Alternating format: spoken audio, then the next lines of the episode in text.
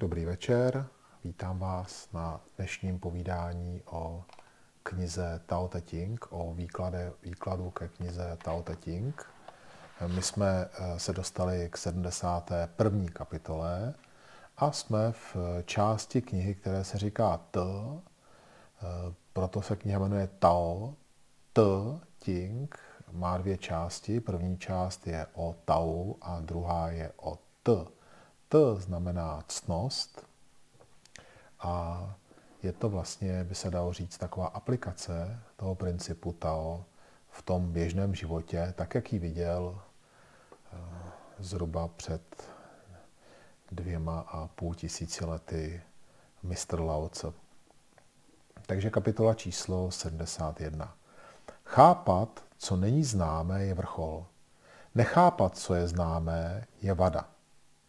Jen ten, kdo se dovede trápit nad tuto vadu, pro tuto vadu, nemůže se od ní oprostit. Moudrý je prost této vady, protože se nad ní dovede trápit. Proto může být bez vady. Eh, tady eh, se trošku Laoce hraje ze slovíčky, to vidíte sami, používá tam eh, různé příměry a v čínštině to je ještě jaksi znatelnější než v, té, než, než v češtině. Nicméně pointa té 71. kapitoly je o tom, že abychom mohli se posouvat ve svých znalostech a dovednostech, tak musíme vědět, že nevíme. Musíme si uvědomovat, že nevíme a potom budeme schopni hledat ty znalosti, které nám chybí a snažit se, jak si tu mezeru zaplnit. Pokud však ani nevíme, že nevíme, tak eh, pak naše mysl není jasná a také Klaus se tady říká, je to vada, nebo také v tom původním čínském názvu to byla nemoc, jo? ping, nemoc.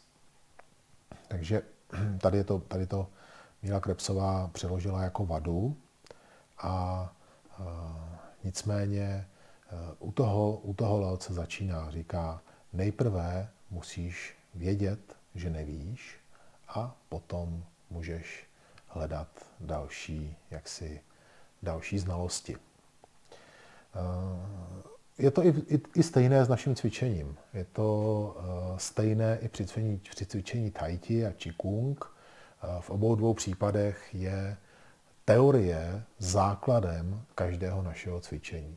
Pokud eh, studuju principy, studuju pochopení, toho, studuju to, co cvičím, tak abych to pochopil, tak eh, se ta správná teorie stává takovou mapou, která nás vede po naší cestě a vede nás správným směrem. Ve chvíli, kdy pokračuju ve cvičení bez znalosti teorie, a tak se moje cesta stane zmatenou a zavede mě do uliček, které jaksi jsou slepé a já se musím vracet a hledat tu cestu zpátky.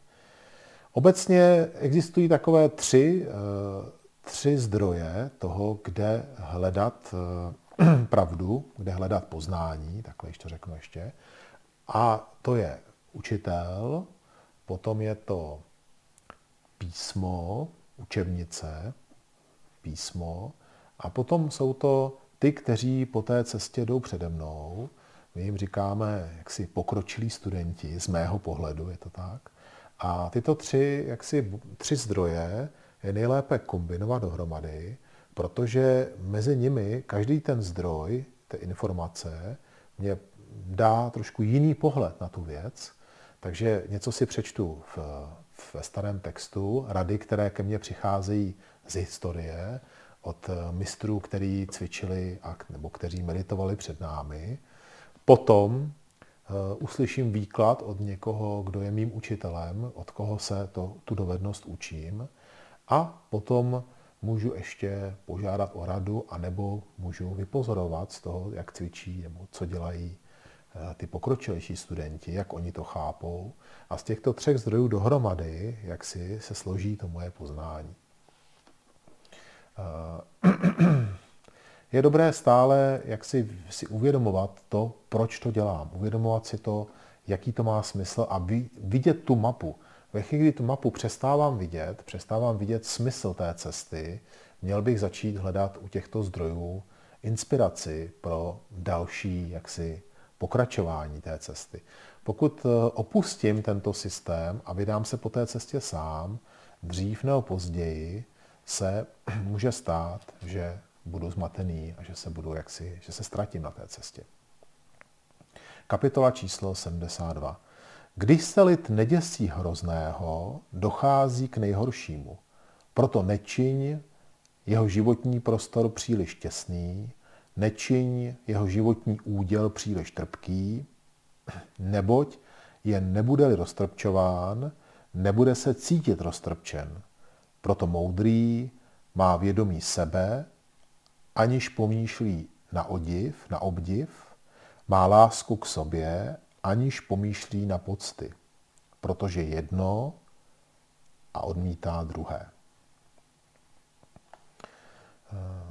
Tady se Lao Tse na začátku opět dostává k aplikaci principu Tao do života ve společnosti, do toho, jak by měl vládce se chovat ke svému lidu, jak by měli lidé jak si se chovat mezi sebou uvnitř komunity, v které žijí.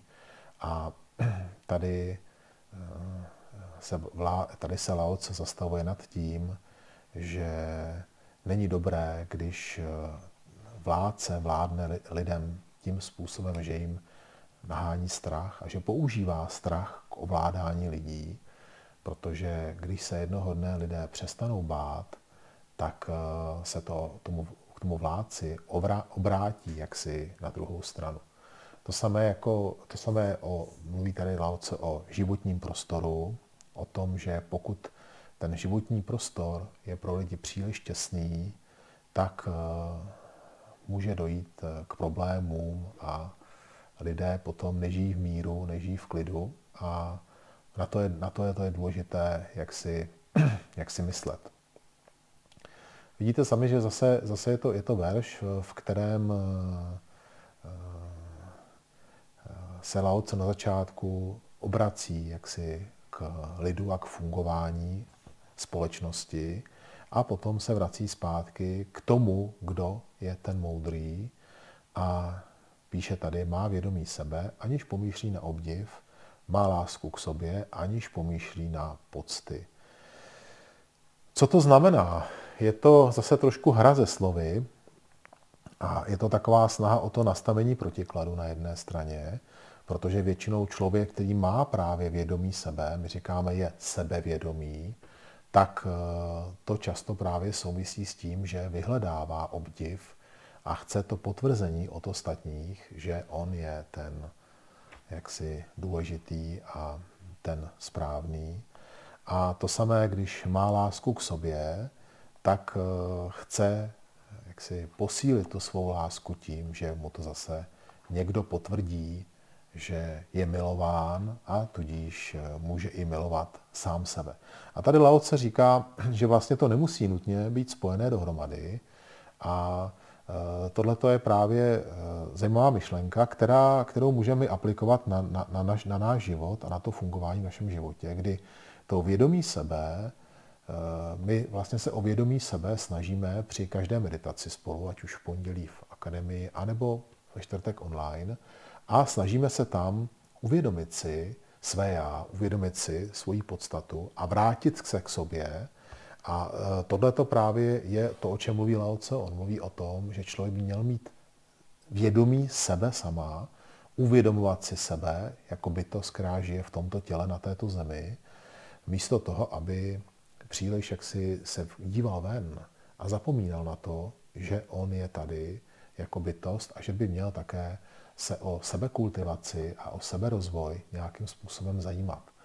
Často právě to lidé na první pohled vnímají jako určité, určitou, určité pokrytectví nebo určitý, určitou, jaksi, určité sobectví, kdy ten člověk jaksi myslí na sebe, ale tady Laoce vysvětluje, že pokud eh, moudrý člověk má sebevědomí, má vědomí sebe, tak eh, může kultivovat sebe a rozvíjí sebe a pak díky tomu se chová tak, jak se chovat má. To samý láska k sobě ve smyslu jaksi sebe jako bytosti, která eh, se tady narodila, má určité poslání, určitou cestu a člověk by měl určitým způsobem respektovat. A my jsme si už tady říkali, že naše tělo se od našeho narození snaží rozvíjet a žít a že často mu to my kazíme právě tím, že eh, se ne, ne, ne, nedíváme na sebe, ale díváme se ven a podlíháme různým touhám a různým, jaksi, bychom možná řekli, neřestem, které na jednu stranu nám dávají radost, ale na druhou stranu ničí nás, nás samotné. To je právě ten nedostatek lásky, nedostatek lásky k sobě. Eh, je důležité, aby eh, člověk eh, kultivoval sebe, aby kultivoval ty vlastnosti, o kterých jsme tady už mluvili během těch setkání, jako je trpělivost, pokora, vytrvalost, tak, aby kontroloval své tělo, tak, aby krz své dýchání kontroloval svůj mysl, aby či proudila harmonicky tím tělem, aby právě nespadnul do toho, že bude ve víru vášní a různých tužeb, to tělo se zmítat a ztratí nad tím tělem kontrolu. To je to, co nám Lao chtěl v této, v tom, této verši trošku jaksi připomenout. A pojďme se podívat na kapitolu číslo 73. Kdo spojuje statečnost odvážností, končívá smrtí. Kdo nespojuje statečnost odvážností, zůstává živ. To obojí může být jak k prospěchu, tak i ke škodě. Kdo však pronikne úradky nebes, aby věděl, co zavrhují. Proto i moudrý se tu ocitá v těžkostech. Tao nebes nesoupeří a vždy dokonale vítězí. S nikým nehovoří a vždy dokonale odpovídá. Nikoho neláká a vše k němu samo přichází. Zůstává neúčastné a vše dokonale osnuje. Jak nesmírná, jak rozléhlá je síť nebes. Její oka jsou řídká, nic však nepropustí. Tenhle ten verš je velmi zajímavý, eh, když se, když se vrátíme k tomu začátku. Kdo spojuje statečnost s odvážností, končívá smrtí a kdo nespojuje statečnost s odvážností, zůstává živ.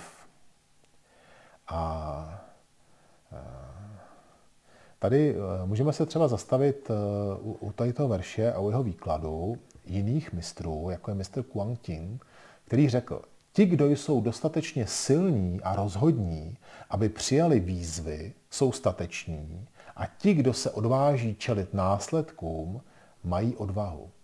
Řekl také, odvaha je odvaha. Ti, kdo jsou silní a drsní a postupují vpřed s ostrou vůlí, stoupí do katastrofy. Ti, kdo jsou pokorní a opatrní a vědí, jak se stáhnout, aby měli být v bezpečí, ty dva způsoby, buď zabít nebo přežít, jsou jasné a dají se ověřit. Tohle je uh, zajímavá, jaksi, zajímavá teorie, ještě, ještě, ještě u toho trošku zůstaneme. Mistr Such uh, k tomu, tomu řekl, ti odvážní a troufalí zemřou a ti odvážní, ale ne troufalí přežijí. To zdá se, že je to přirozené pravidlo. Často však ti odvážní a troufalí přežijí a ti odvážní, ale neodvážní, nemohou uniknout smrti. Často je vidět, že osobní štěstí může způsobit, že se tak stane a je v rozporu s přirozeným pravidlem. Nicméně Tao nebes je tak hluboké a hlubokomyslné, že se na ně možná podílí i štěstí, ale kdo ví, co je z dobra a zla později vyplyne. Proto i i když tito mudrci používají přirozená pravidla jako vodítko, a pokud jde o statečnost, je pro ně stále těžké učinit, učinit to rozhodnutí správné. Eh, je to jako jaksi zajímavá myšlenka. Zajímavá myšlenka v tom, že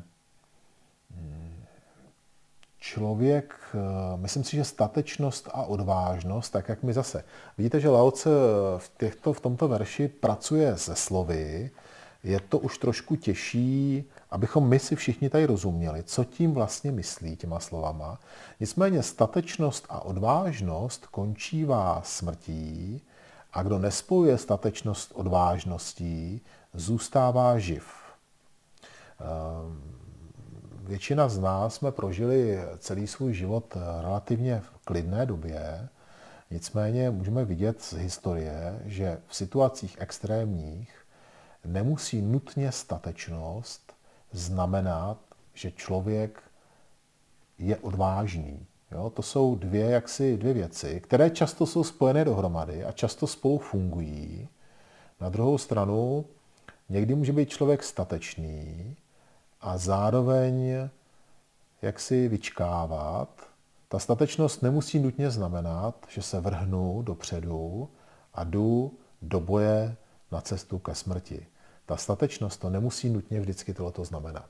A to jsme, byli, jsme viděli i v historii, že často lidé, kteří se nejevili jako stateční, ve skutečnosti byli velmi stateční, ale jenom proto, že se drželi zpátky a jak si nevystupovali s takovou rozhodností a s takovou možná odvážností, tak ta jejich statečnost byla trošku jaksi zakrytá. A to je, proč o tom mluvíme? Já teď se nechci vracet k historii. Je to, je to, my se tady scházíme proto, že si čteme Stao pro inspiraci pro náš život. A to je zajímavý verš, který vlastně naznačuje to, že někdy v určitých situacích je dobré, eh, jak si vedle té statečnosti i najít ten protipol, a to je tam měkost, to vyčkávání. A někdy může člověk být právě statečný s tím, že vyčkává a může mu to zachránit život. Ale vidíte sami, že je to tak, tady takové jako velmi, velmi zvláštně popsané, velmi zvláštně jaksi otevřené. Já bych ještě, eh, eh, tady vlastně Lao se snaží na konci toho verše to trošku vysvětlit, právě bere si princip Tao do, té, do této praktické situace a říká, Tao nebes nesoupeří a vždy dokonale vítězí. S nikým nehovoří a vždy dokonale odpovídá. Nikoho neláká a vše k němu samo přichází. Někdy se říká, že když eh, se dostanete do krizové situace a nevidíte v té krizové situaci přesné východisko, tak je dobré vyčkat. To je teorie, která vychází právě z taoismu a třeba Sun Tzu, který napsal teorii války a pravidla pro vedení války a strategie boje, tak pracuje právě i s touto teorií, kdy se říká, ve chvíli, kdy ta situace je bezvýchodná, je dobré počkat, protože čas může tu situaci změnit a potom se může nalézt snáze východisko. A tohle to může být i právě eh, pro ten náš praktický život eh, zajímavé. Vidíte sami, že my teď také žijeme v trošku takové jaksi turbulentní době, která je zmatená a často Eh, můžu udělat eh, nějaké rozhodnutí s tím vědomím, že to rozhodnutí je statečné, ale pokud v rámci toho rozhodnutí se vrhnu do boje, nemusí to vždycky skončit dobře. Eh, oproti tomu, kdybych s tou statečností byl statečný, ale ještě u toho, jak si, jak si vyčkával. Zní to možná trošku zmateně, ale Eh, doufám, že jsme si to trošku vysvětlili a trošku, trošku eh, vysvětlili, jako trošku řekli si, o co tam jde. Eh, co je ale důležité pro nás, pro naší cestu, teď se trošku vidíte, že i v tom výkladu a i v těch kapitolách se objevují dvě takové roviny. A to je rovina praktická toho našeho života, kterými žijeme, je to takové to, co někdy, když spolu se potkáváme a povídáme si, tak si říkáme, eh, jo, tak to je hezký tady meditovat a je hezký se spojovat s vesmírem, a, ale pak já jdu domů a tam mám rodinu a tam něco musím dělat a tady musím nějak zaplatit složenku a musím jít do práce a tadyhle chci postavit dům a je to vlastně ten praktický život. To je to, co v, této, v tomto výkladu, to, to v této knížce Tao Te Ching právě reprezentuje to T, to, které části té knihy teď my jsme. A předtím je to Tao, to je ta, teo, ta teoretická část, ta filozofická část, z které čerpá Lao aby vysvětlil tu praktickou část.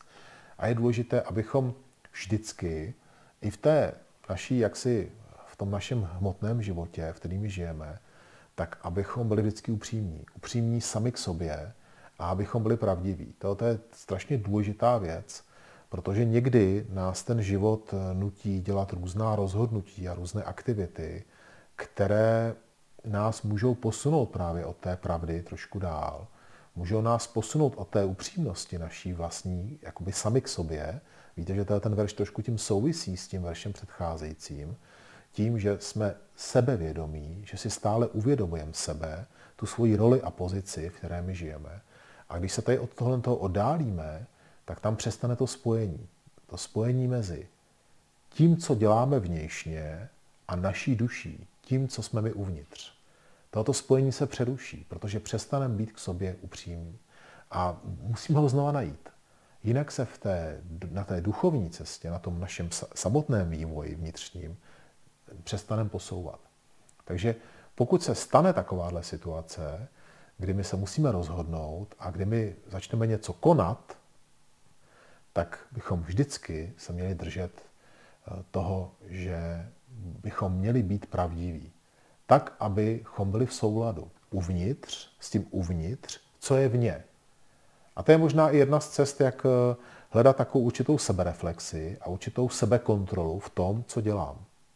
Ve chvíli, kdy začnu zjišťovat, že to, co dělám, už se míjí s tím, co vevnitř upřímně cítím a začíná se to rozcházet, tak je na čase se zamyslet nad tím, jestli to konání je správné, jestli jdu správnou cestou. Ve chvíli, kdy se ty dvě věci rozejdou, tak eh, vlastně už poškozuju sebe a už to trošku hraničí, nebo hraničí, tam začíná eh, ten konec té lásky sami k sobě. Jo? Máme, pokud se máme rádi, tak eh, bychom měli, jak si, neměli bychom na úkor toho, co děláme, na úkor toho, co chceme získat třeba, ať už je to postavení, peníze nebo nějakou něco prostě v našem životě, tak abychom ztratili tu lásku k sobě a zapomněli na, tu, na sebe uvnitř a ztratili to spojení právě díky tomu, že nebudeme k sobě upřímní. Kapitola 74. Když se lid neděsí smrti, co pomůže vyhrožovat mu smrtí? Jestliže lid žijící v trvalém strachu před smrtí se začne chovat vzpůrně a já mám moc zakročit a strestat ho smrtí, kdo se odváží? Vždy je to popravčí, kdo popravuje. Avšak popravovat místo popravčího, zdaž to neznamená totéž, jako tesat sekirou místo se tesaře. Kdo užívá sekary místo tesaře, jen zřídka kdy vyvázne se zdravou rukou. Tady vidíte, že zase se trošku Laoce vrací ke zprávě státu a jak si k tomu, jak by, měl, jak by mohl, jak by měl stát fungovat. Začíná tím, že když už se to dostane tak daleko, že se lidé nebojí smrti, tak vlastně zákony jako takové už přestávají plnit svoji funkci, protože ten trest, který za to může ten člověk dostat, tak už se bude míjet účinkem. A už je to vlastně okamžik, kdy eh,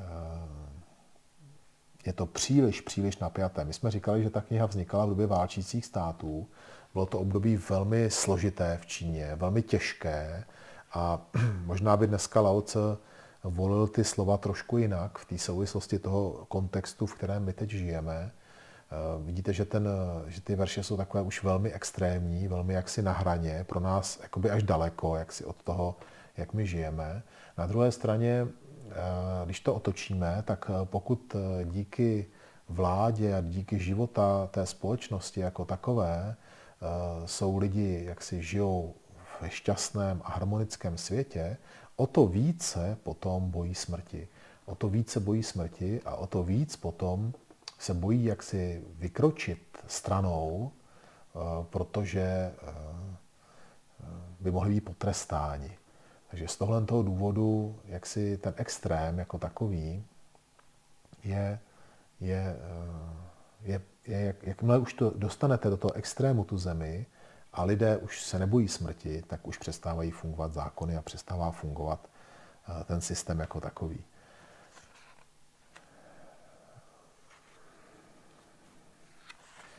Mohli bychom, někteří eh, mistři Čikungu eh, se snaží ty kapitoly překládat trošku jinak, snaží se vysvětlovat, jak si ve vztahu k našemu tělu. My jsme to už několikrát také udělali, kdy jsme si řekli, že vlastně nevidíme tyhle ty verše jako verše, které jsou směrované skutečně k lidu a ke vladaři, ale jsou směrované k nám, jak my se chováme k našemu tělu, jak my se chováme jak si k tomu, k naší mysli a k naší inteligenci, jak s ní pracujeme.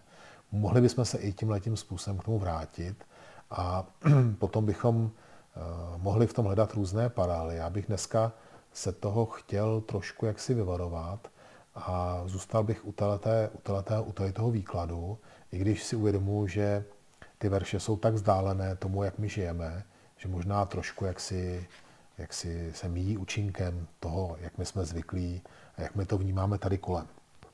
Pojďme se podívat na kapitolu číslo 75. Lid hyne hlady, protože nadřízení vymáhají příliš dávek. Proto lid hyne hlady. Lid se těžko spravuje, protože nadřízení příliš zasahují. Proto se lid těžko spravuje. Lid bere smrt na lehkou váhu, protože musí příliš usilovat o život. Proto bere lid smrt na lehkou váhu. Zdaž ničím nezáviset na životě není vzácnější, než přeceňovat život?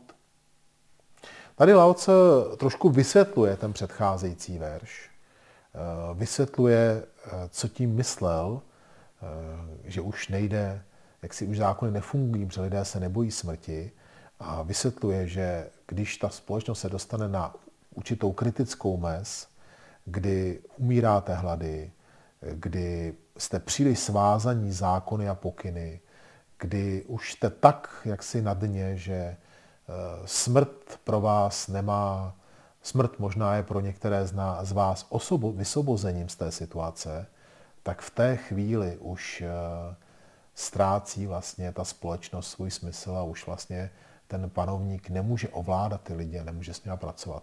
Tady vidíte, že je to opravdu verš, který se eh, týká té, jako té doby, v které Lao Tse žil a snaží se jaksi nabádat k tomu, aby z té extrémní situace, která nastala, se ta společnost víc harmonizovala. Vysvětluje, pokud ta společnost žije harmonicky, potom ty zákony naberou své síly a své podstaty. Ve chvíli, kdy ta společnost žije v určitém extrému, tak už ty zákony přestávají fungovat. A tady můžeme i vidět, my jsme se do této situace díky Bohu asi za náš život ní nedostali, ale vidíte sami, jak eh, snadno, jak křehká je ta stavba společnosti a státu. My jsme to zažili trošku za té období koronaviru. Vidíte sami, že i teď eh, my jsme zrovna takový národ, který nemáme úplně rádi různé přikázání a různé jaksi zákazy, příkazy a vidíte sami, že i teď ty pravidla, které jsou nastavené, tak se už nedodržují. A ani vlastně ta stát, ta vláda, ten stát je nějakým způsobem nevy, jak si nevymáhá. A na jedné straně to možná přestává být efektivní, ta ochrana, na druhé straně to, to jak si vyvolává takové trošku uvolnění v té společnosti. A tady Lauce vysvětluje, pokud eh, těm lidem dáte příliš omezení, příliš je omezíte, což si možná pamatujete, možná nikdo z nás za celý svůj život předtím nezažil to, že nemohl jet z jednoho okresu do druhého. To je poměrně velké omezení, asi možná bezprecedentní omezení. A nemohli jsme si jít nic koupit a pamatujete si na to období. A ve chvíli, kdy tohleto je příliš jaksi těsné a příliš dlouho, tak potom se může stát, že ten stát přestává fungovat a přestává to být vymahatelné. Proto to není úplně snadné, jak si, jak si tohleto, jak bych to řekl, jakoby kontrolovat a, a řešit to. A proto možná je to v takové situaci, v jaké to teď je. A uvidíme, jak se to bude posouvat dál a doufáme, že se to stalo a už se to nebude opakovat a my na to budeme vzpomínat a uvědomovat si, že kdyby to trvalo příliš dlouho, tak by se potom mohlo stát, že už by jsme nad tím neměli žádnou kontrolu. V kapitole 76 se Laoce posouvá trošku jinam. Když se člověk rodí, je slabý a podajný. Když umírá, je pevný a silný. Všechno tvorstvo, stromy a rostliny, když se rodí, jsou vláčné a křehké. Když umírají, jsou seschlé a stvrdlé. Tak to Co je pevné a silné, směřuje k smrti, co je slabé a podajné, směřuje k životu. To je, proč zbraně, jsou-li příliš mocné, nepřinášejí vítězství. Proč stromy, jsou-li příliš zdatné, neujdou sekyře. Silné a mohutné má místo dole. Slabé a podajné má místo nahoře. Tady eh, je to jeden ze slavných veršů. Eh, je to v celé té knize Tao Te Ching, eh, která má 80, 81 kapitol, tak je několik takových veršů, které většinou lidé citují nebo si je pamatují. A tohle to bych řekl, že je jeden z nich, který právě začíná Začíná tím, že když se člověk rodí, je slabý a podajný, a když umírá, je pevný a silný. A všechno tvorstvo, stromy a rostliny to mají vlastně stejně. Lao se snaží nám ukázat, říct, podívejte se kolem sebe, podívejte se, jak cyklus rození, eh, dospívání a umírání je pro všechny stále stejný. Jak ten, kdo je na začátku, je tak, takový je živý, je měkký, je mm, svým způsobem i jaksi ne, neškodný, ne, neči, ne, nevidíme v něm nepřítele, protože nás nemůže nějak ohrozit. Víme sami, jak když eh, sleduje, sledujete děti napříč celým světem, tak i když je to nepřítel, tak jeho děti se vám tak nejeví. Jsou to děti, které vnímáte všude stejně. Tak jako když eh, dáte do mezi staré psy dáte štěně, tak ty psy mu neublíží. Ani se s ním neperou, protože v něm nevidí nebezpečí, je to pro ně dítě a tak se k němu chovají. Na rozdíl od toho, kdybyste mezi ně dali stejného psa, ale dospělého, tak by se spolu mohli poprat. Protože by v sobě mezi sebou viděli jaksi, jaksi, jaksi rivala. Je to tak? A tady Laoce vysvětluje, pokud člověk zůstává uh, jaksi měkký, pokud zůstává podajný, tak eh, směřuje k životu. Nejenom fyzicky, my to známe ze cvičení Qigong a Tai Chi, hlavně ze cvičení Tai Chi je to tak, že eh, díky tomu cvičení tělo zůstává celý život, pokud v tom cvičení pokračujeme, v tom životě jak, jak si pořád, tak celý život to tělo zůstává měl měkké a uvolněné. A díky tomu té měkkosti a uvolněnosti může energie čí tím tělem volně proudit. I naše mysl zůstává čerstvá. Uh, trénujeme to, jak si být vědomí sebe, jak vnímat sebe a tudíž zůstáváme stále ve spojení. To je, to je příznakem mladosti. A tady ještě k tomu Laoce do, jak si doplňuje v tom zbytku těch veršů dál, eh, že když člověk zůstává takhle měkký a podajný i ve své mysli a a souvisí to i s těmi veršemi předcházejícími. Jsme mluvili o té statečnosti a o tom, co ta statečnost může znamenat. Tak říká, to může být něco, co povede k přežití a k dlouhému životu. Ale pokud je tam jaksi příliš síly, příliš tvrdosti a i příliš jaksi rozhodnosti, eh, tak to může vést eh, ke smrti. A proto na konci Lao co říká, silné a mohutné má místo dole, zatímco slabé a podajné má místo nahoře.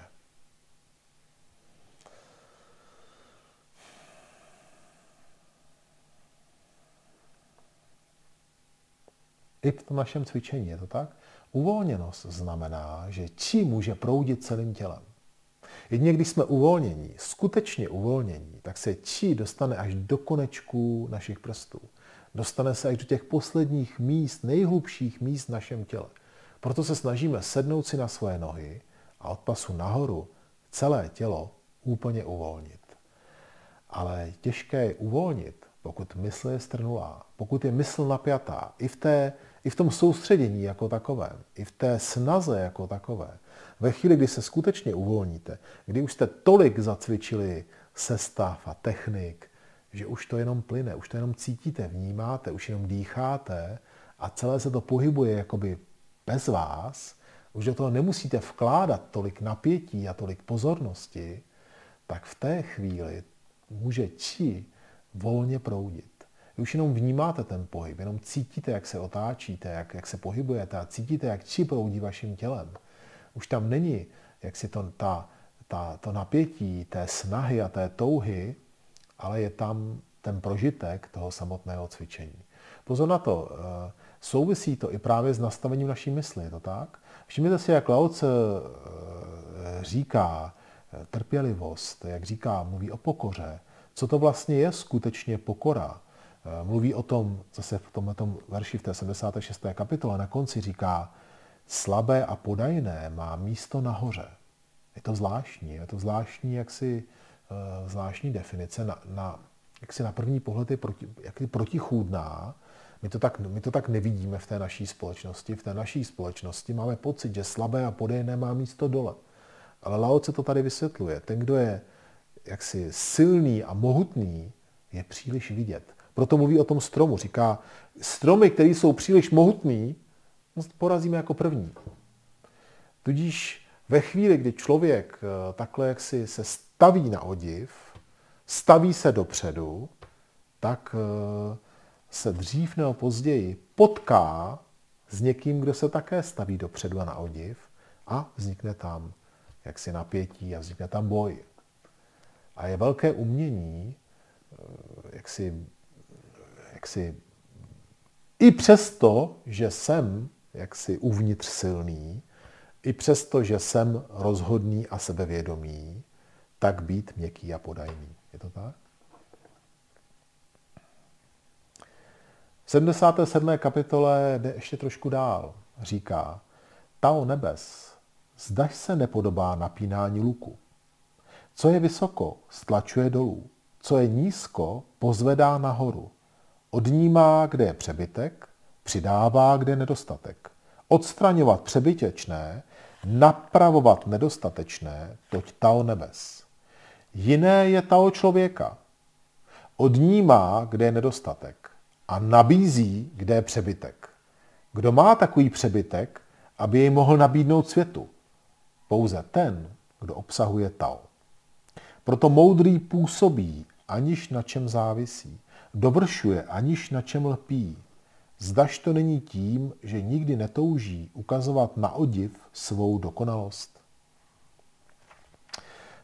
Vlastně na jedné straně mluví Lao Tse o Eh, dynamice, jak si Tao, o dynamice našeho světa, mluví o tom, že eh, tam ta přirozenost, která je kolem nás, ať už ji vidíme v přírodě nebo v celém vesmíru, je stále jak si vystředovat tu věc. Semte si i, i to, co vidíme kolem, se stále pohybuje v kruzích, ve spirálách, je to tak? Ať už jsou to celé galaxie, ale ať už je to voda, která teče, kruhy na stromech, tak jak rostou. Všechno se to stále pohybuje v takovém jaksi, eh, v takovém kruhu. A ten kruh sám o sobě, ten pohyb v kruhu sám o sobě způsobuje, že věci se jaksi narovnávají, stále se jaksi, jaksi harmonizují. To znamená, ve chvíli, kdy člověk tohleto opouští a navrší něco někde navíc a poruší tuhle harmonii, tak už je to přetůčené k nějakému problému jako takovému. Ať už je ten problém na jeho těle, nebo je ten problém na jeho, v jeho jednání nebo v jeho životě, už to samo o sobě začne vytvářet problém. A e, protože to je zákon a je to mechanismus, tak i když člověk začne s tím problémem jaksi bojovat a chce ho překonat, tak se mu to nepovede. A dokud si nepřisvojí tyhle ty pravidla, o kterých tady mluvíme, a ne, nezamyslí se nad nimi a nehledá to, jak ty pravidla fungují, aby se jaksi z nich poučil, ale snaží se jít tou svojí cestou, tak ho ta hmota v tom, jak to funguje kolem, to pravidlo, které takové je, tak ho dřív nebo později přemůže. Není to hned, že jo? Ta, ta, ta, ta, ta věc se neobjeví hned. Může to trvat celý život. Ale znamená to, že se celý život budeme snažit překonat něco, co překonat nejde. Dovršit něco, co dovršit nejde. Právě proto, jak ten mechanismus kolem nás je nastavený. A to je to, co nám tady Lao Tse naznačuje. Říká, podívejte se na tu dynamiku Tao. Podívejte se, jak vesmír funguje, jak funguje svět kolem nás. A říďte se podle těchto pravidel a bude se vám žít lehčeji, bude se vám žít harmonicky a šťastněji. Ve chvíli, kdy se těch pravidel držet nebudete, budete stále v napětí, budete stále proti něčemu bojovat, budete stále proti něčemu jak si tlačit, nebo vám bude stále něco utíkat. Jednoduše nebudete šťastní. A stejně vás to na konci přemůže. Hm? Proto tady říká, proto moudrý působí, aniž na něčem závisí. Dovršuje, aniž na něčem lpí. Je to velmi zvláštní, protože většinou, když se nám něco podaří, tak je to proto, že se o tom nějakým způsobem snažíme, že, že tam je nějaké úsilí. A tady najednou Laoce říká, že to tak vlastně nemusí být. Pokud já ty zákony začnu víc studovat, začnu jim rozumět, můžou se některé věci stát jakoby sami. Právě díky tomu, že si uvědomím, jaký ten mechanismus je a přidám se, místo abych šel proti. A tohle je něco, co je velká moudrost a co je, co je asi to nejtěžší v našem životě, abychom eh, dosahovali těch výsledků bez úsilí. To je velmi těžké, je to tak? Velmi těžké. I v Chuan, i v Qigong je to tak. Eh, když se potkáme, tak eh, chceme do toho dát úsilí a máme pocit, že bez úsilí to nejde, nejde, nejde to jaksi, nejde ničeho doha, jaksi, jaksi dosáhnout a najednou tady se dozvídáme, že to vlastně naopak. Že ve chvíli, kdy to úsilí je příliš veliké, tak ten luk je příliš napjatý a bude mít tendenci se zhoupnout na druhou stranu. Tudíž ten výsledek, který z toho budeme chtít mít, tak z toho nedosáhneme.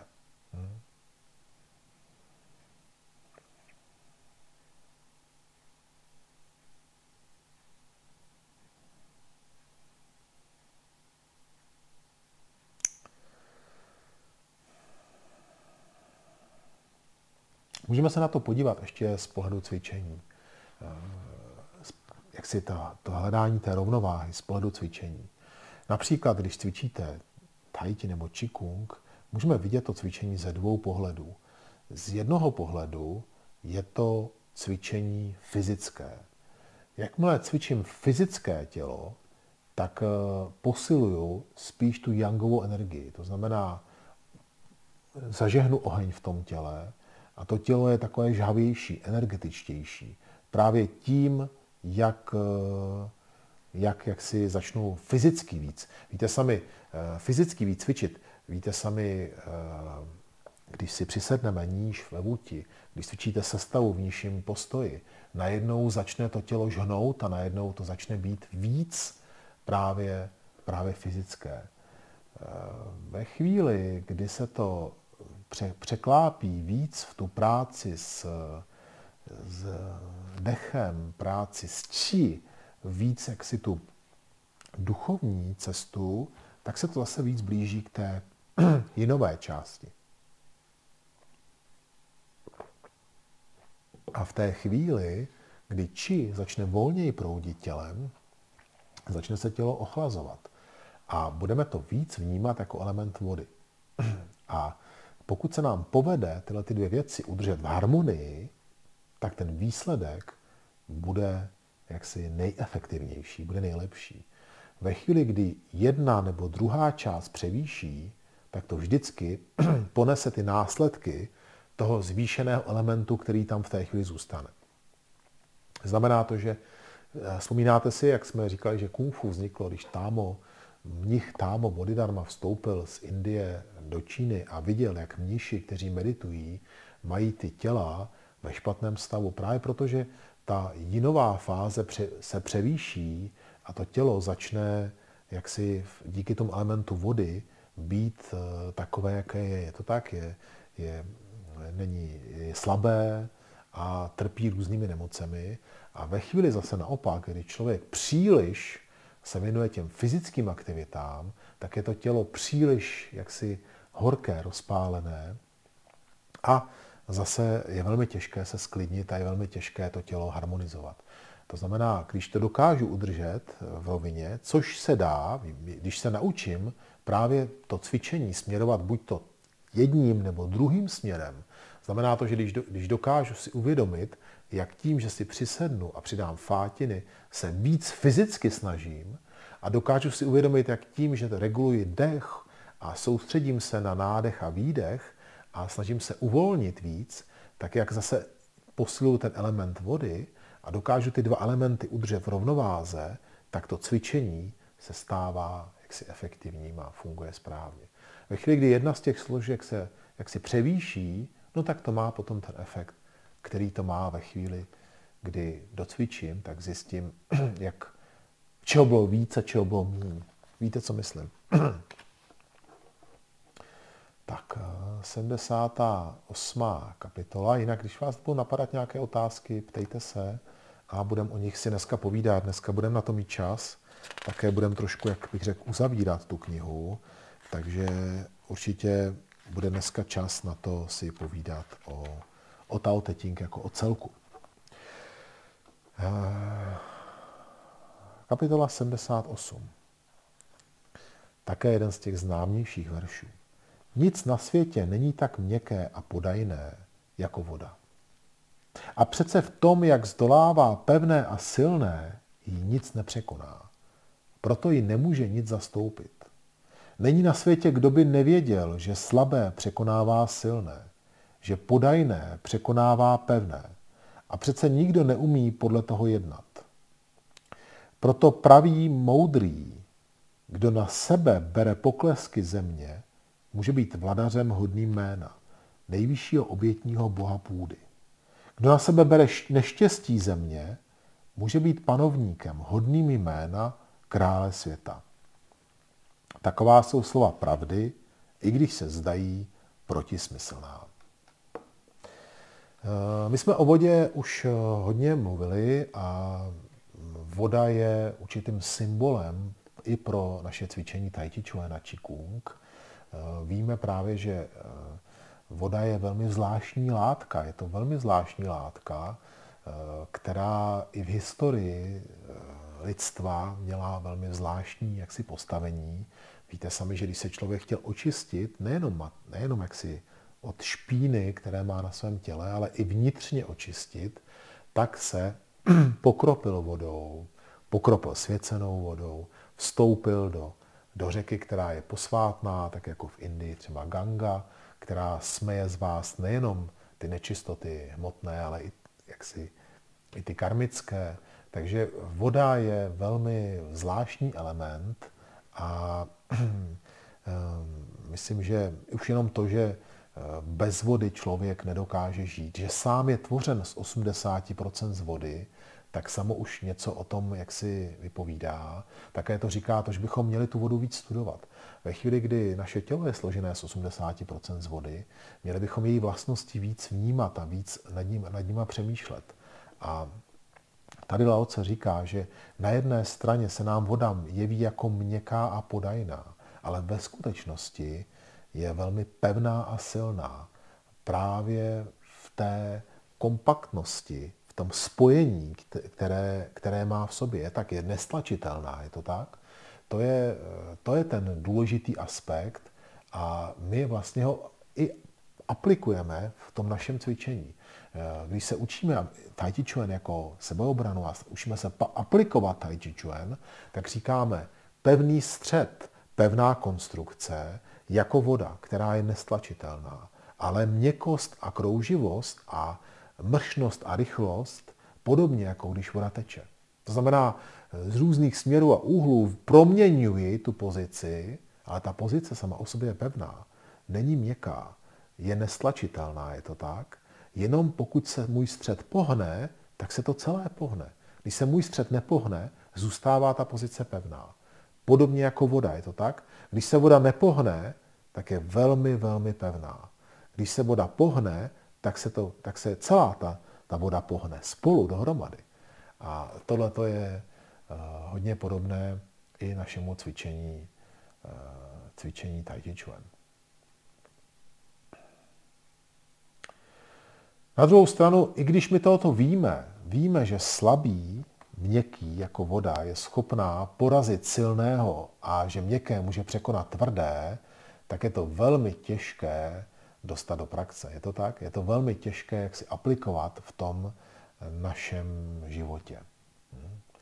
Jak vlastně eh, s tím pracovat a eh, co s tím vlastně, co, co s tím dál, aby, aby to jak si fungovalo.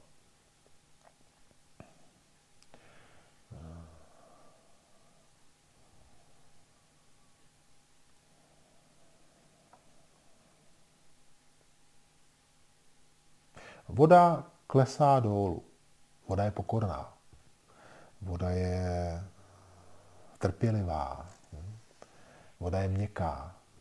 A to jsou vlastnosti, které, o kterých bychom měli přemýšlet a které bychom měli kultivovat. A i v těch situacích, v kterých, jak to dělá voda, když je nějaká překážka, tak jí voda obteče, je to tak? Obejde jí.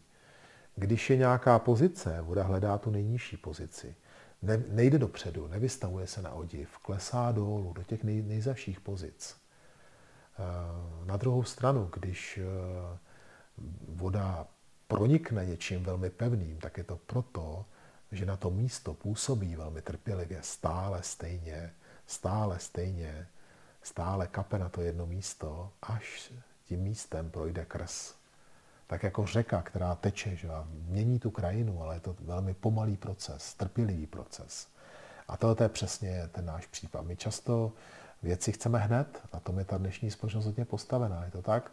Vytvořit nějakou mm, nabídku, něco, co jsme možná předtím ani nepotřebovali a přesvědčit nás, že to potřebujeme hned, že to potřebujeme hned. A to je to, co naší mysl potom roz, roz, jaksi roz, rozhodí.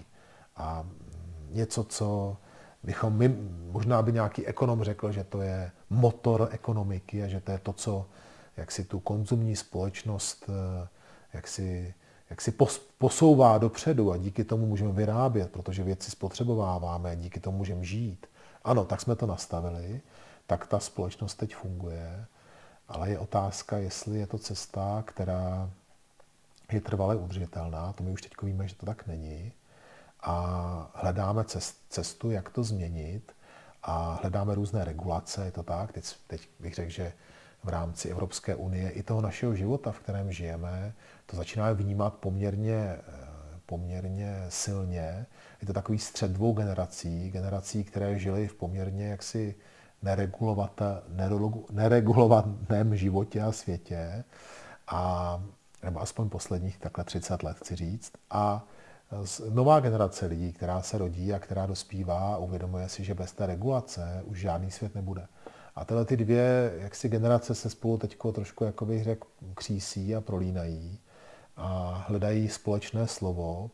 Na druhou stranu nikdo vlastně nepřemýšlí o tom, že by měl každý začít u sebe a že ve chvíli, kdy lidé nebudou k tomu přistupovat tak, jak Lao co tady o, o tom mluví, to znamená nehledat ty věci u sebe a nechovat se podle toho, tak bude velmi těžké těmi restrikcemi to změnit. Bude to velmi těžké změnit a bude to v podstatě nemožné to změnit na té globální úrovni.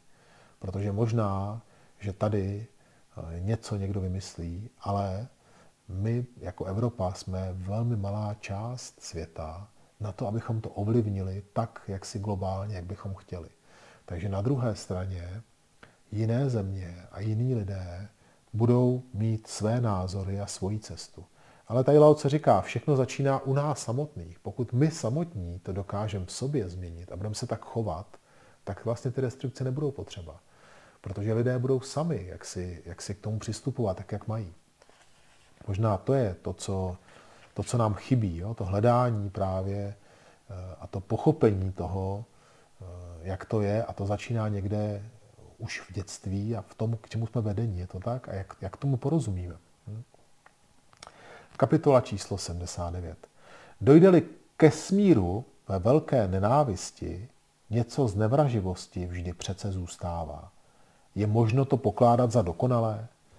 To je, proč moudrý dodržuje závazky levé strany smlouvy a neuplatňuje své požadavky vůči druhým. Ten, kdo má cnost, trvá na závazcích. Ten, kdo nemá cnost, trvá na požadavcích. Tao nebes nezná osobního zaujetí. Vždy však stojí na straně dobrého.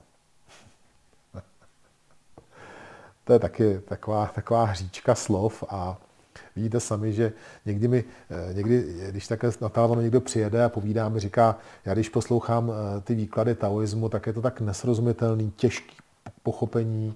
Eh, přiznám se, že to není úplně snadné, jak si, aby ten výklad nás dovedl úplně k té podstatě. Já si myslím, že stejně je to pro nás spíš inspirace, já to tak beru, jo? že čteme ty verše a necháváme se inspirovat a hledáme samozřejmě i výklady a názory ostatních daleko jaksi povolanějších mudrců a filozofů. Nicméně, abychom dokázali skutečně uchopit to, co Lao Tse kdysi sepsal v čínštině, ve staročínštině, tak je, si myslím, těžké.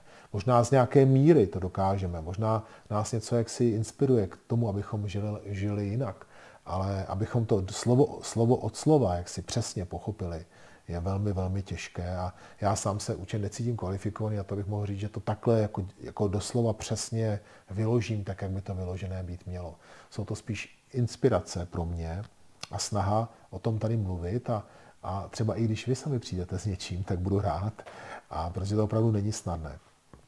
Nicméně eh, ten první verš, eh, myslím, že pro nás může být trošku srozumitelný. Eh, ten první verš říká v podstatě, že nejlepší, aby se dvě strany dohodly, tak je koncenzus. Nejlepší je dohoda, eh, kdy obě ty strany na tu dohodu přistoupí. Ve chvíli, kdy dohoda vznikne tak, že tam zůstává nenávist, že silnější jaksi přehlasuje slabšího a eh, kdy se ty dvě strany sice dohodnou, ale ne, eh, ne, nedojdou ke smíru, tak tam vždycky zůstane to napětí a vždycky tam zůstane ta nechuť. A tohle je něco, co my, my tomu rozumíme. Jo? Jakoby, když takhle to řekneme, tak myslím, věřím tomu, že všichni, co tu jsme, tomu rozumíme, řekneme, to je určitě nejlepší. A když se podíváte, tak vlastně většina rozhodnutí takhle nefunguje. Aspoň ne v České republice. A vidíte, že stále je tam jakési takové napětí a ve spoustě případů je tam na jedné straně výhra a na druhé straně velký smutek. A tohle, když se příliš hromadí, tak z toho může vzniknout i něco, eh, eh, něco jaksi horšího. A existují takové přísloví čínské, eh, které říká, co nechceš mít, měl bys mít a nedávat druhým. To je docela zajímavé přísloví. A druhé přísloví říká, neměl bys vzpomínat, jakou laskavost si získal, si dal, ale neměl bys zapomínat, co jsi od druhých dostal. Takže to je uh, takový docela zajímavý verš, zajímavá, zajímavá, zajímavý pohled. A uh, říká o tom, že uh, i když ty něco, jak si dodržuješ a něco, něco získáváš, tak eh, by se měl vždycky snažit to vrátit zpátky a ne, ne, nejít tou cestou výhra prohra, ale snažit se jít tou cestou, kdy eh, oba dva, jak si jste spokojení a oba dva se dohodnete. Což někdy znamená jako velmi těžké vyjednávání, někdy to právě znamená třeba i to počkat, až čas to posune nějakým způsobem kousek dál a tak, aby eh, jsme sice rychle, ale eh, bolestně vyhráli a potom se radovali z něčeho, co druhý bude z toho jak si smutnit. Někdy to znamená i jaksi špatné pochopení té věci. Někdy lidé si ty věci nedostatečně vysvětlí. Když se vysvětlí a najdou v, v, tě, v té situaci výhody, oba, tak odchází spokojení. To znamená, zpočátku možná jeden v tom vidí velký problém a velký jaksi, jaksi něco, co nelze jaksi překročit. Ale když pak se o tom víc mluví a vysvětluje se to z různých pohledů a hledají se různé jiné možnosti, tak eh, eh, člověk odchází a nachází v tom něco, co předtím třeba vůbec neviděl. Takže jsou situace, v kterých je to velmi těžké, je to tak, a jsou situace, kdy se to dá vysvětlit, Jenom proto, když ten člověk druhý je trošku trpělivý a snaží se, jak si pochopit toho druhého, i když jsou nepřátelé v té chvíli. Kapitola 80. I když je malý stát, s malým počtem lidí a má různé nástroje vlády a zprávy a těch nepoužívá. Pečuj, aby lid hleděl na smrt vážně a neodcházel do vzdálených končin. I když bude mít lodě a vozy, nech není, kdo by do nich vstupoval. A když bude mít pancéře a meče, nech není, kdo by jich používal. Učiň, ať se lid navrátí k užívání uzlu místo písma, ať shledává svůj pokrm chutný, svůj oděv krásný, své obydlí pokojné, svůj způsob života radostný. Pak budou sousedící země z dálky na sebe pohlížet. Štěkot psů a kukrhání kohoutů se bude mezi nimi rozléhat. A přece bude každý pokojně ve stáru umírat. Ani zatouží přecházet z jedné země do druhé. Tohle to jsme, když to vezmeme tak, jak to Lao Tse napsal, tak to jsme svým způsobem zažili eh, před 30 lety a dřív. A víme, co to znamená, když se někdo necítí v té zemi jaksi spokojený a snaží se utéct do jiné země.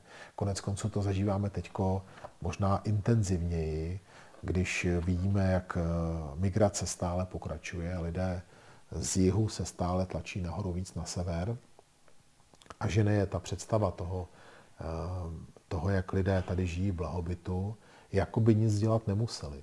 To je taková zvláštní, jaksi zvláštní představa, ale nechci teď o tom, o tom mluvit.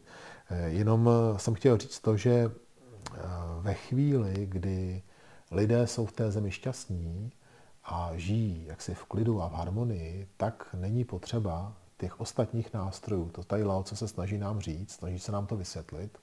A určitě eh, zase je to trošku vázané k té době, v kterých to, eh, jak si Lao Tse psal a na tu situaci, o jaké mluvil, my už to trošku můžeme vidět jak, jaksi jinak, už asi nebudeme řešit uzlové písmo a jiné další věci, o kterých tam on mluví. Na druhou stranu mm, tomu rozumíme. Ve chvíli, kdy na jedné straně je ta pozitivní motivace, není tam potřeba ta, ta negativní. A to se týká i našeho cvičení a to se týká i našeho života. Je vždycky lepší hledat tu radost a tu pozitivní motivaci, než hledat tu negaci a ten smutek z té, z té věci. A strach. Většinou smutek a strach jdou, jdou vedle sebe. Je to tak?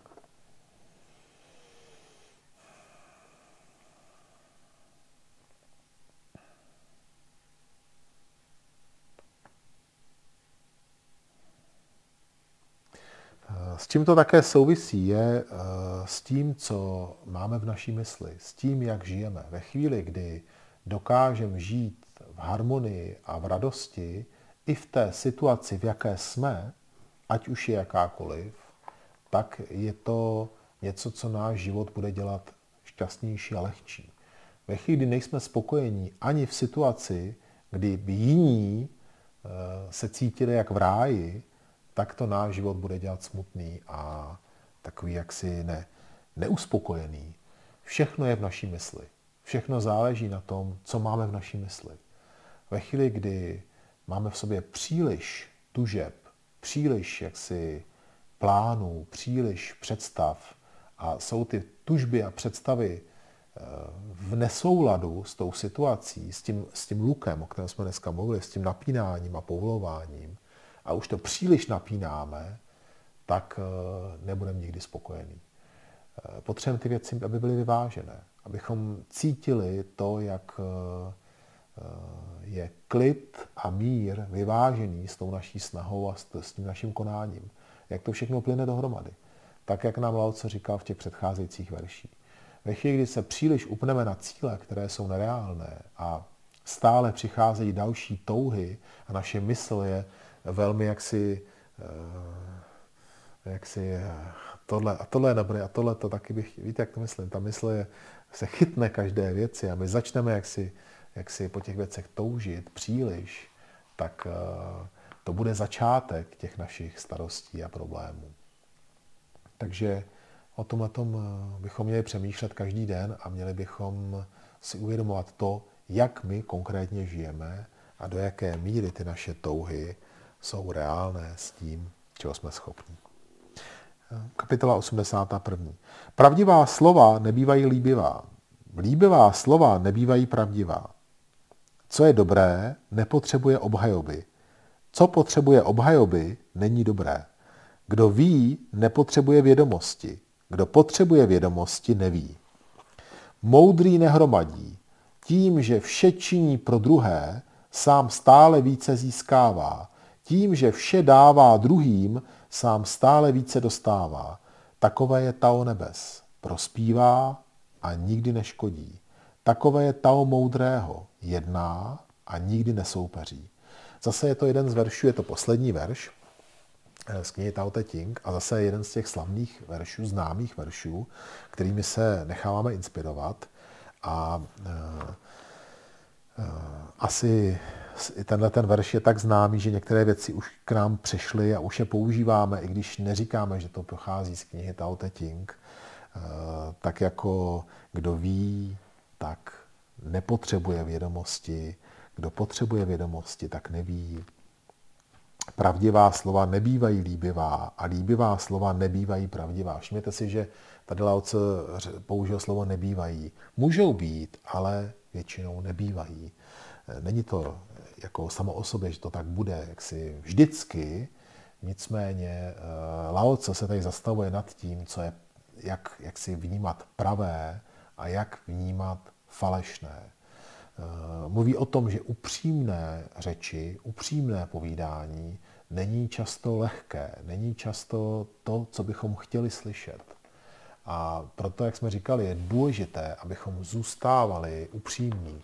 Upřímní sami ze sebou, ale upřímní i těm, ke kterým chceme být upřímní, protože jsme s nimi blízko a důvěřujeme jim. A nejlépe být upřímní ke všem, což je velmi těžké, protože bychom museli v některých situacích mluvit tak, že by se to tomu druhému nelíbilo. Je to tak? Mr. Wang Pi říká, pravda je postavena na vnitřní kvalitě a pochází z prostoty mysli.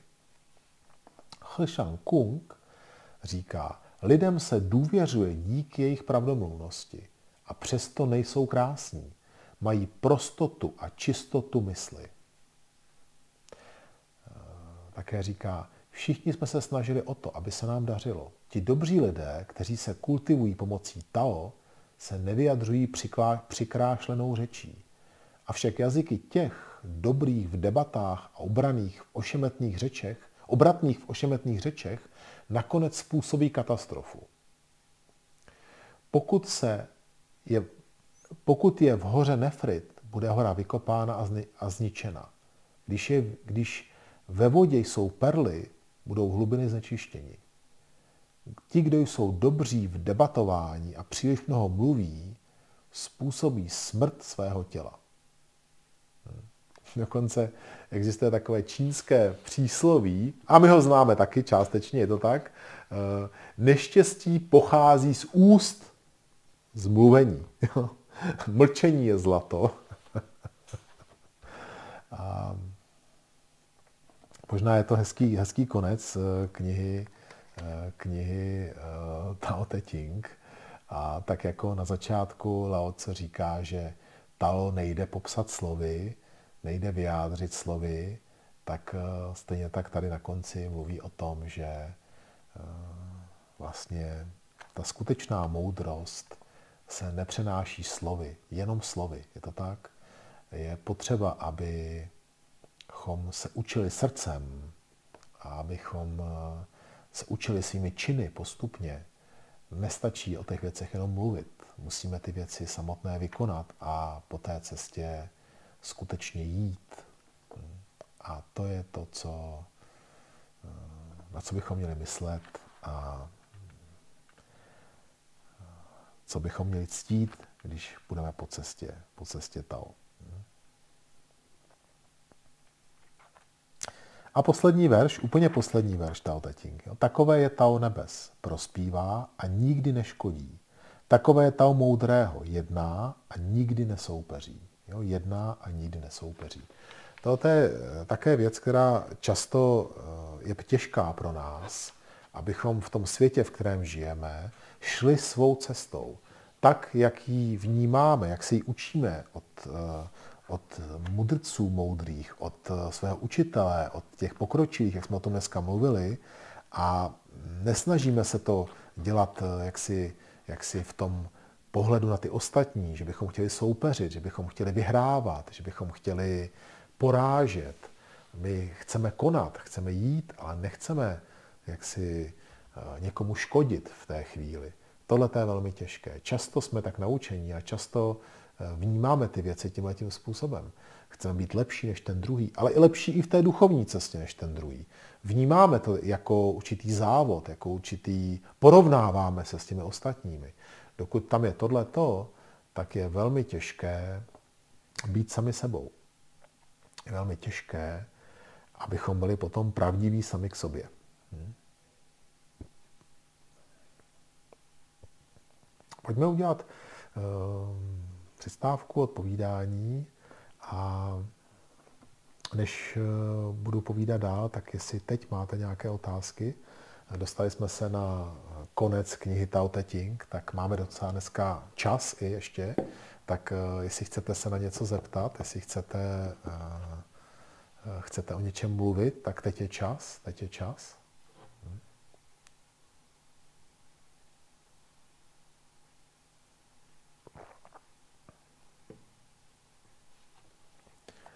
Tak Karel se ptá, eh, Dobrý večer, zajímalo by mě, jak se taoismus staví k lásce. Přijde mi to, jako by ji chtěl občas eliminovat, protože je to emoce, nebo se pletu. Karle, eh, taoismus, eh, je filozo- taoismus jako filozofie se snaží vysvětlit to, jak, jak my žijeme, jak jsme, jak eh, dvě roviny našeho života, ta hmotná a duchovní, jsou spolu spojené, anebo naopak nejsou spolu spojené. Obojí totiž tam nějakým způsobem figuruje. A snaží se nám vysvětlit to, že eh,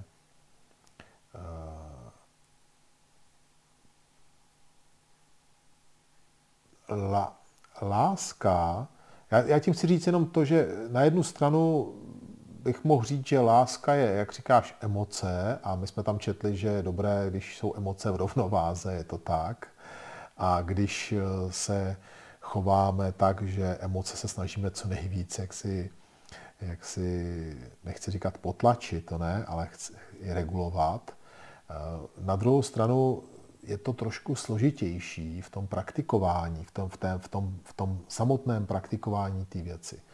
Já to zkusím trošku víc obecnit. Je to stejné, jako když něco děláte a nevíte, že, ta, že to, to, co děláte, vás někam dovede konkrétně a děláte to s nějakým jiným důvodem, anebo vám někdo řekne, kam to povede. To znamená, ve chvíli, kdy eh, se narodím tady v tom světě a v té, řekněme, materialistické společnosti, mně, mně eh, vždycky bude řečeno, že láska ke člověku, ke druhému člověku je vrcholem, vlastně je to vrcholnou emocí, kterou člověk zažívá tady v tom světě, tak eh, vlastně žiju ve lži, protože ta vrcholná emoce je právě být v harmonii, v harmonii s s tím, odkud jsem přišel, jo, s vesmírnou energií, já teď budu říkat vesmírnou energií s Bohem, podle toho, jak eh, nechci zabíhat přesně do toho popisu, abychom se tady nedostali do rozporu vzájemně, protože respektuju to, že každý tu cestu vidíme trošku jinak a nechci dělat reklamu na jednu z těch cest, ale chci to zobecnit trošku. Na druhou stranu to neznamená ale, že by člověk nemohl ctít lásku ke druhému člověku, partnerovi, k partnerce, jako, jako určitou cnost, je to tak, kterou, kterou respektuje a kterou vnímá, cítí, prožívá jí, ale zároveň si uvědomuje, že tady ještě může být něco jiného. To je ten rozdíl. Jo? To znamená, Tao, eh, Tao říká, ano, je tady láska, ty ji prožíváš, ty ji můžeš zažít, ty ji tady chceš zažít, ale taky je tady ještě tenhle ten rozměr tvého života, zkus se po něm podívat a hledat ho a každý z nás máme volbu, kterou cestou se vydáme. Jo, nebuďme v tom takový, jak bych to řekl, jako, tak jako jednoznačný. Jo? Jestli, ta otázka, jestli vlastně Tao jako chce lásku nebo nechce, jaký má k tomu postoj. Jo? Tak to je, to je ten smysl. V tom hmotném světě je láska určitě nejvyšší emocí. Je to, ta láska má různé podoby, je to tak. Je to láska ke svým rodičům, je to láska ke svým dětem, je to láska ke svému partnerovi, je to láska ke svým třeba sourozencům. Ta láska má různé podoby, různé příchutě, různé, jak si tak, příchutě by se dalo říct. A v určitých životních obdobích je i ta láska různě silná, jo, jak si vůči tomu komu. Někdo partnera nemá ve svém životě a má silnou lásku ke svým rodičům. Každý tu lásku promítá různým způsobem. Nicméně eh, Tao Te Ching říká, tohle všechno je, vlastně jsou různé hmotné touhy, které máme a které nás jaksi roztáčí v tom koloběhu, v kterém my tady žijeme a způsobují to určité zapletení takové v tom našem světě, které tady je. A teď to nemyslím ale jako ve zlém, aby nechci jako to, aby to znělo nějak extremisticky, jako všechno to zavrhněme a choďme tu jako, jako mumie, tak to já nemyslím, ale pojďme přemýšlet o tom, jestli existuje ještě také něco, jak si nad tohle ty vztahy a vazby, o kterých jsem teď mluvil. Jestli existuje něco jako ještě nad tohleto. Něco, co je jaksi nadčasové ve smyslu našeho jednoho života, něco, co patří k té původní naší, jaksi tomu původnímu vztahu, který jsme měli a který máme jako duše, jako bytost, která je v tomto těle. A tohle to je, čo, to, je to, co, čeho se Tao dotýká. A proto někteří odešli do odešli, zřekli se společnosti a začali se tomu tomu tématu víc věnovat, tak jako jogíni v Indii, kteří odešli od společnosti a usedli v jeskyni a meditovali v Himalájských horách a v jiných místech u řeky Gangy a drželi půsty a, a držejí do dneška. Je to tak? To není něco, co by bylo jako jaksi dávnou historií, té současnost. Ale to neznamená, že by ten zbytek té společnosti nemohl něco dělat také. Jo? To neznamená, že bychom všichni to měli udělat. Um, ale měli bychom o tom vědět a měli bychom se nějakým způsobem tím zabývat. Každý do té své míry, do jaké míry máme na to čas, máme schopnosti a máme jaksi tu motivaci to dělat. A někdo se toho jenom dotkne a někdo tomu propadne a uh, medituje čím dál tím víc a, a také to souvisí s naším věkem, je to tak? My tady jsme trošku vychovávaní jiným směrem, tudíž tady uh, v této zemi bude to také souviset trošku s věkem a čím budeme starší, tak by přirozeně, tak jak se ohýbá ta křivka našeho života, tak jak se vracíme zpátky k tomu narození, je to tak, vracíme se zpátky ve smrti, ke smrti jaksi, a k tomu narození, tak bychom tam v té chvíli se mohli dotknout toho, co je nadčasové a co nesouvisí jenom s tím jedním životem. Proto o tom mluvím. A v té chvíli v určité úrovni našeho jaksi, naší meditace a naší, naší cesty a chápání těch věcí by, by bylo dobré, kdybychom tohleto si uvědomili, že tady jsou vztahy na té hmotné úrovni, ale pak jsou tam vztahy na té duchovní úrovni, které žádné teď nejsou. Maximálně můžeme vidět člověka, teď nemyslím jako všichni z nás, já to říkám obecně, člověka, který přijde a řekne, asi něco existuje, a mám k tomu neutrální vztah. Jestli je Bůh nebo není, jestli je nějaká energie tady vesmírná, asi je nebo asi není. Mám k tomu úplně neutrální vztah. Nejsem proti, že by nic takového nebylo, ale ani nemám k tomu žádný jako hlubší vztah, ale ke svýmu synovi a ke své ženě mám velmi hluboký vztah a velmi pevný vztah, ale k vesmírné energii mám žádný vztah. Ale postupně můžu určitou kultivací sebe sama a určitou cestou tenhle ten vztah objevit a začít to nějakým způsobem rozvíjet a hledat tím právě tu svoji nadčasovost. Že jo? Tím já vlastně objevím tu nesmrtelnost. Ehm, často se ve vztahu s taoismem mluví o nesmrtelných. Vlastně, když byste v Číně šli do kláštera, do kostela taoistického, tak ty sochy, které tam jsou, tak jsou to sochy těch, kteří dosáhli jaksi, jaksi osvícení v tom taoismu a stali se nesmrtelnými. A ta nesmrtelnost souvisí právě s tím porozuměním té své nadčasovosti, protože ta duše, kterou my jsme a je tady v tom těle, je nesmrtelná. Ta se nedá zabít, nedá se spálit, prostě je nesmrtelná a jenom putuje tím vesmírem různě a nabírá různé podoby.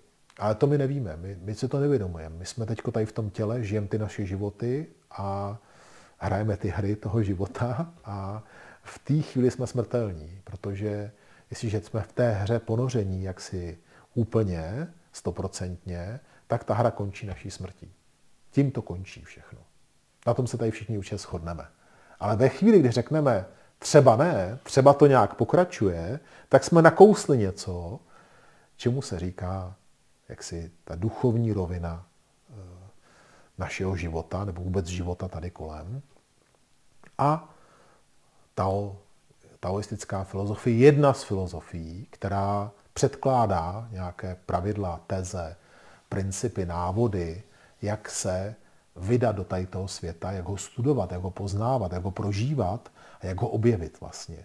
Takže určitě v té chvíli, v jaké jsme, nechceme se zbavovat lásky.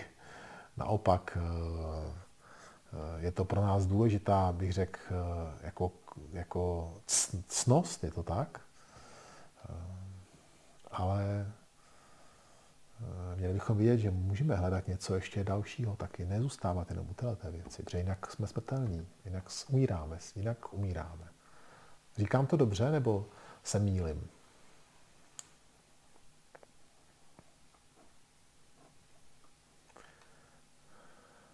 Chcete se na něco zeptat ještě někdo?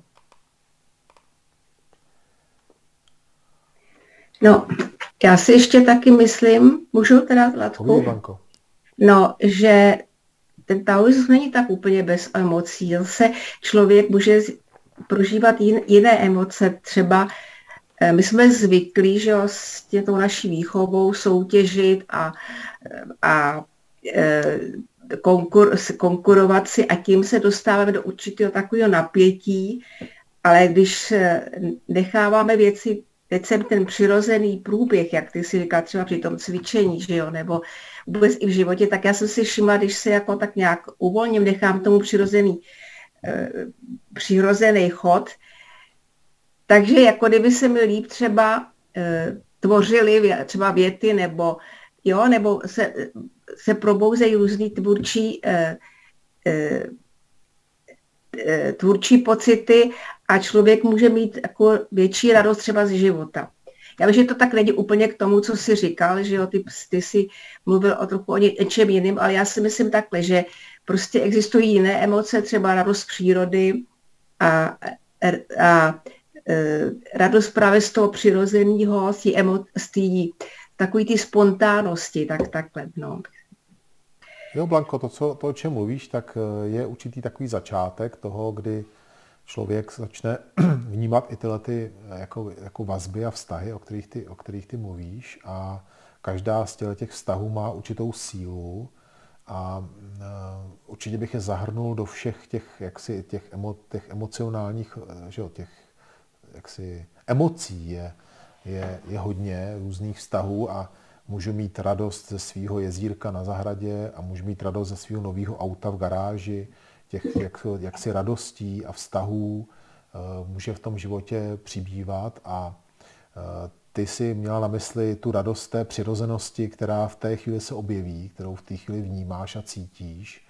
To, že se možná, to, že možná jednoduše objevíš sama sebe v sobě a tam někde, tam někde to může začít a e, může se to postupně posouvat ještě i dál, víc jaksi, jaksi do hloubky, víc, víc do hloubky a hledat, hledat dál za tou hradbou jaksi toho hmotného světa. A taoismus eh, nabízí tu cestu krz přírodu, říká, tam je ten boží obraz, tam vlastně vidíte přímo tu, to, jak to funguje, tu přirozenost, tam ji hledejte a když se dokážete jak si spojit s tou přírodou a dokážete s ní souznít, tak eh, se dokážete jak si vrátit zpátky k tomu původnímu spojení. A mluvíme tady pořád o slově spojení ve smyslu právě toho, že my jsme odtržení od toho spojení, jo? jsme jako rozpojení v tom smyslu, že jsme se my rozhodli, že půjdeme svojí cestou. Naše mysl nám to umožňuje jít svojí cestou. Takže eh, my si jdeme prostě svojí cestou. My, jdeme, my tomu říkáme pokrok, je to tak, a ten pokrok nás někam směřuje, někam nás posouvá a vytváří nám nějaké nové hodnoty, nějaký nový svět, který my si tvoříme sami jako lidé. A teď je otázka, kam nás vede. Co je výsledkem toho, že žijeme v tomto novém světě, který jsme si my vytvořili, co je jeho výsledkem? Jestli jeho výsledkem je štěstí a radost, nebo jestli, jestli jeho výsledkem je zklamání a, a, a smutek a utrpení. A teď o toho to jde. A jestli existuje nějaká alternativa, jak se vydat jiným směrem a jestli výsledkem této jiné cesty je víc radosti a víc štěstí, než tou cestou, kterou se člověk člověk vydat. Myslím ten materialistický člověk teďko, jo? myslím ten, ten materialistický hmut. Já teď to nech, nechci říkat, jako, aby to neznělo, jako, že bych to chtěl odsuzovat, jenom všichni tam, všichni tak žijeme, jo? to znamená i já taky, takže ne, nechci to jako odsuzovat, jenom to vysvětluju, jakoby, že to je alternativa určitá, určitá alternativa tomu a e, na to bych se tak měl jakoby dívat. Jo? Že to je taková nabídka na to. Podívej se do přírody, podívej se na přírodu, která je kolem tebe. Zkus se podívat sám do sebe, zkus být upřímný sám k sobě a zkus se vydat tohletou cestou pomocí třeba meditace, poslouchání svého dechu, pomocí cvičení Tai Chi Chuan, ale zase Tai Chi Chuan může být zdravotní cvičení. Člověk, který cvičí Tai Chi Chuan, nemusí vůbec tu cestu jak si, jak si následovat a hledat jí. To ne, tady není, jako to je jeho volba jenom. Jo? To je, my tady z toho děláme já jsem toto třeba eh, řešil s mistrem Žutěncem několikrát, když jsem se na to ptal a on mi říkal, eh, je to naopak. Tai Chi Chuan vychází z taoismu, vychází z, z té filozofie a nabízí tu možnost lidem, kteří chtějí.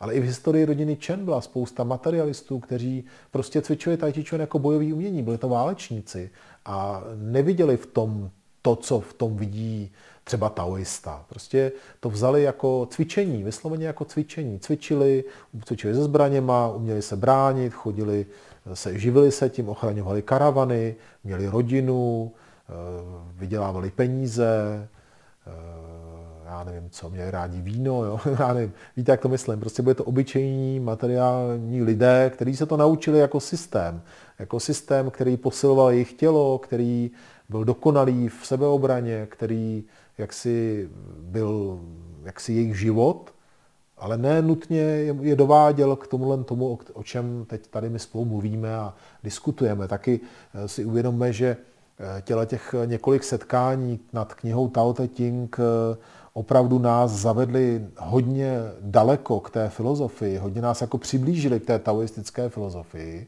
a svým způsobem nás jakoby odvedli od toho, tady nikde o žádném cvičení nebylo ani slovo, je to tak? Bylo to o, o tom, co se děje v naší hlavě, o tom, o tom jak uvažujeme, jak žijeme. A Qigong a taoismus, eh, ta Qigong a Tai Chi je s tím spojené, ale ne nutně, jo, ne nutně, ne pro každého, ne nutně.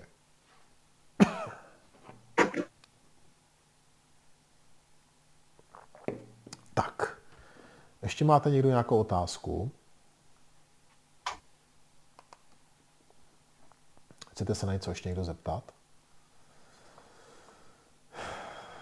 Dobrá, dobrá. Uh, tak, uh, tímhle tím jsme dokončili výklad Tao Te Ching. Byla to zajímavá cesta, mě samotného to obohacovalo a každá ta neděle o knize Tao Te Ching byla vždycky něčím zajímavým a musím se přiznat, nevím, jak jste to měli vy, ale i, i se mi pak uh, přes týden vracely ty verše a přemýšlel jsem o nich a uvědomoval jsem si, jak uh, v té dnešní době je důležité ten přísun různých informací, které člověk má, vyvážit i tím, že si přečte nějakou filozofickou knihu, něco, co ho obohatí tímhletím směrem a že by to měl dělat pravidelně, nejlépe denně a nejlépe nebo aspoň jednou týdně, tak aby eh, se k tomu vracel, aby, aby o tom přemýšlel. A byť ty verše byly některé velmi těžké a nejme si, ty výklady byly srozumitelné, ale i tak eh, něco vždycky zůstalo a o něčem vždycky člověk přemýšlel, vzpomněl si na to, tak já doufám, že eh, to se to měli podobně a že to bylo takové eh, filozofické a duchovní obohacení. My teď budeme pokračovat v těch nedělních povídáních na různé další témata. Mám ještě pro vás inspiraci od několika mistrů Tajti, budeme povídat o jejich životě, budeme povídat o tom, eh, co nám, jak si odkázali a o čem mluvili, tak aby nás inspirovali ve cvičení. Eh, rád bych eh, se ještě trošku vrátil i k tomu cvičení jako takovému. Chci se podívat na témata, které jsme během toho roku a půl, nebo roku by se dalo říct, jsme si, jsme si jaksi řekli a rád bych, rád bych je ještě o něco doplnil.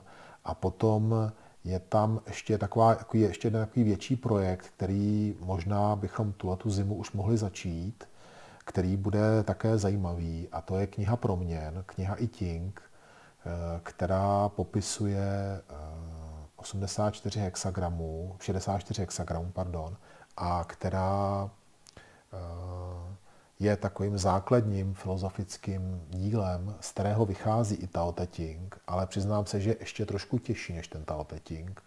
A já bych rád nemluvil jenom o knize I Ching, ale chtěl bych mluvit o naší sestavě Tahiti, 108 forem Tahiti, co máme, respektive těch prvních 72 forem a k ním souvisejících 64 hexagramů a to, jak to naše cvičení je tohletou knihou i tím propojené.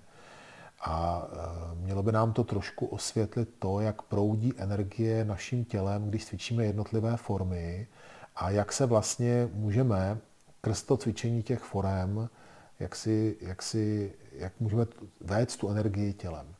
Je to velmi zajímavé povídání, které jsem taky nikdy ještě nedělal takhle a který by mohl obohatit trošku naše znalosti právě cvičení Tai Chi Chuan. Takže by to bylo zase na pokračování. Připravil bych si to a rád bych eh, tohleto eh, jak si s vámi, s vámi prošel. Jinak eh, pokud budete mít nápady na témata, na naše nedělní povídání, tak budu rád, abychom si mohli o tom víc jak si, jak si povídat a jestli je něco, co co byste rádi tady v neděli slyšeli, tak budu moc rád. Hm? Mějte se moc hezky a příští neděli budeme pokračovat, eh, budeme povídat o dalším ze slavných mistrů Tajti. Zítra se objeví to téma popsané. Hm? Mějte se moc hezky.